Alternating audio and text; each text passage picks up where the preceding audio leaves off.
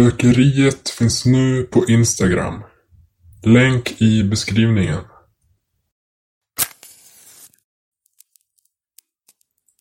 Jag sitter hemma och dricker te. Ensam. Radion står på och det är nyheterna nu. Det är en mördare som rymt och det ger hans signalement. En medellång man med mörk huvtröja, jeans och vita sneakers. Paranoid som jag är kollar jag ut genom de skjutbara glasdörrarna som går ut från vardagsrummet till husets bakgård. Då ser jag en man som står där ute i snön. Han matchar signalementet och han ler mot mig. Ett hånfullt leende. Jag sväljer oroligt den klunk te jag haft i munnen. Jag sträcker mig efter telefonen. Jag slår in 112 och lägger telefonen mot mitt öra. Jag kollar ut och han har kommit närmare nu. De märker något som får mig att tappa telefonen. Det finns inga skoavtryck i snön.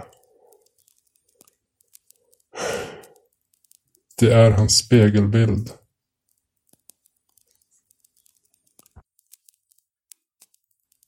Det var den 26 mars.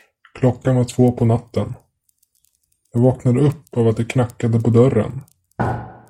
En knackning var tredje sekund.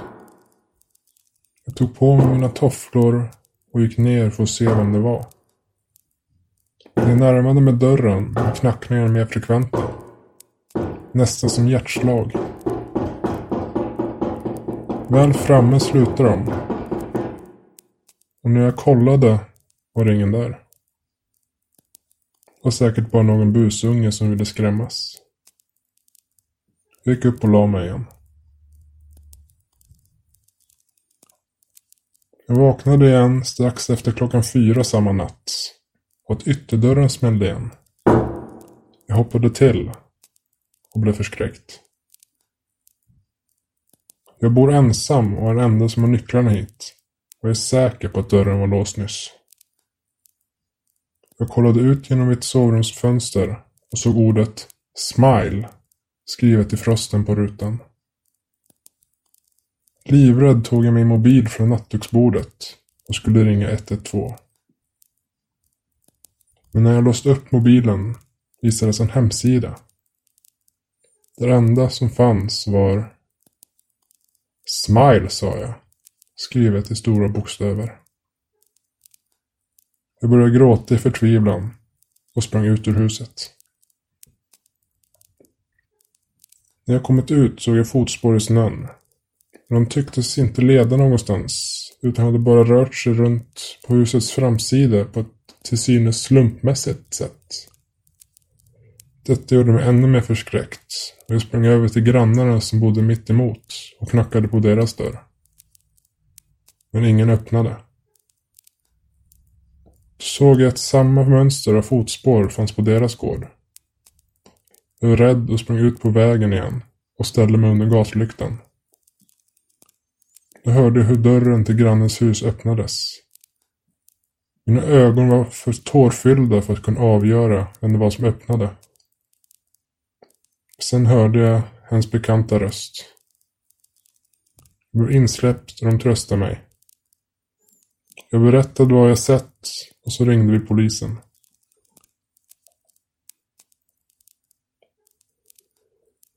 När polisen kom var klockan halv sex på morgonen. De letade igenom mitt hus, men hittade ingenting. De sa att det inte fanns några bevis för att det var någon annan än jag som hade varit där inne. Inga tecken på inbrott och fönstret var helt täckt med frost igen. Hemsidan på min telefon var även den borta. Och spåren var antagligen ut. Djur som gjort. Jag fick som råd att sova ordentligt och att jag borde kolla upp mig för stress. Far åt skogen med det. Jag vet att det som hände mig var verkligt.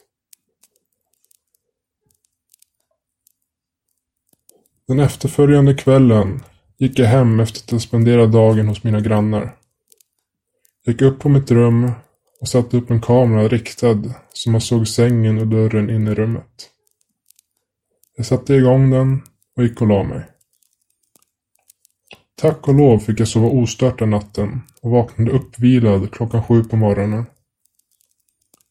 Jag ställde mig upp bredvid sängen och sträckte på mig. Vickade på tårna lite. Sen gick jag och kollade till kameran. Men det jag såg fick mig att tappa det så goda humöret jag vaknat med. Från att ha gått och lagt mig fram till ungefär klockan tre var allting lugnt och stilla. Men sen kröp något ut underifrån min säng.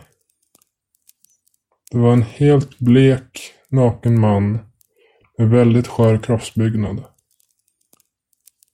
Han ställde sig upp och stod bara och stirrade på mig i nästan en timme. Helt blickstilla. Sen började han röra på sig. Han vände sig med ryckiga rörelser mot kameran och gick mot den. Han ställde sig så nära att hans ansikte tog upp hela bilden. Han var extremt blek och hade synliga vener över hela ansiktet. Hans ögon var kolsvarta och han hade ett gigantiskt leende. Ett smile. Han stod och stirrade på kameran i två timmar utan att ens blinka en enda gång. Han vred bara på huvudet en aning några enstaka gånger. När de två timmarna av stirrande passerat gick han tillbaka till min säng och kröp in under den igen. Jag spolade fram videon för att se var han tog vägen. Men till sist kom jag fram till den delen där jag gick fram till kameran och stängde av den alldeles nyss. Jag frös till.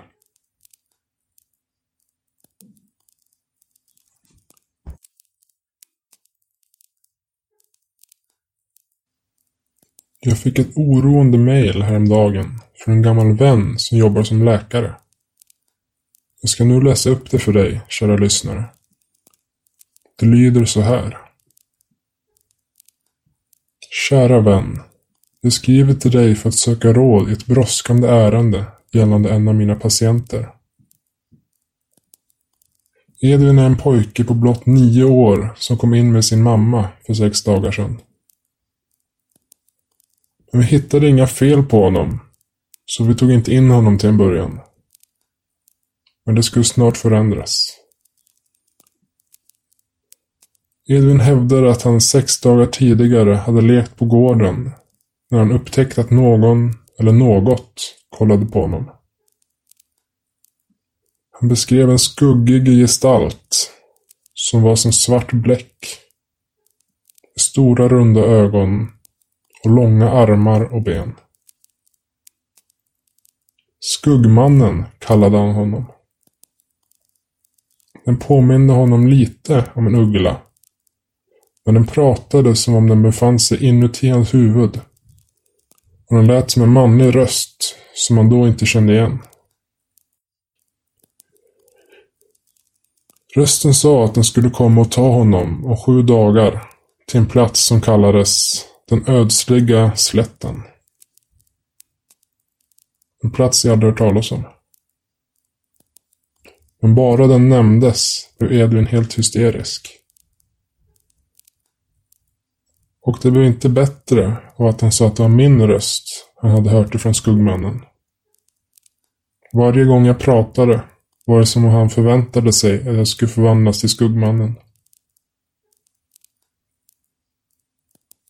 Hans tillstånd försämrades snabbt under den sista dagen. Pojken hade blivit övertygad om att skuggmannen hade kommit tillbaka och rörde sig närmare och närmare honom för varje gång. Oftast var det när han kollade igenom något glasföremål som speglar och dricksglas som han såg honom. Det hände även att han började skrika mitt i natten och sa att han såg skuggmannen i fönstret. Så han bad oss ta ner alla speglar och fick dricka ur plastmuggar. Men fönstret kunde vi inte göra något åt. Hans rum hade inga gardinstänger. Jag skriver till dig, kära vän, för på natten till Edvins påhittade deadline gick jag och tittade till honom. Då märkte jag att han inte var ensam där inne. Jag kunde bara urskilja två saker i månskenet. Var och en saker som jag kommer minnas till graven. Först en gestalt som drog sig tillbaka in i skuggorna med ljud som lät som grenar som knäcktes.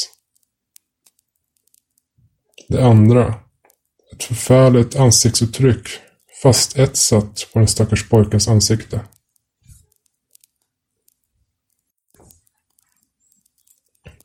Jag hörde din röst ifrån skuggorna, käre vän. Från två stora ögon som glittrade och försvann vartannat, som vågor på ett mörkt hav.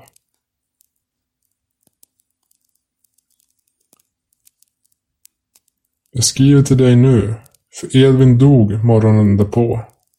Och jag är inte ensam längre, även när jag tror att jag är det. Med vänliga hälsningar, din gamle vän. Jag reagerade inte riktigt på mejlet när jag fick det för några dagar sedan. Trodde att det var ett skämt. Men igår kväll fick jag höra att min vän gått bort efter att snabbt ha insjuknat. Precis sju dagar efter att Edvin dött. Och i morse när jag vaknade såg jag två stora runda ögon bland skuggorna. Och det var din röst jag hörde, kära lyssnare.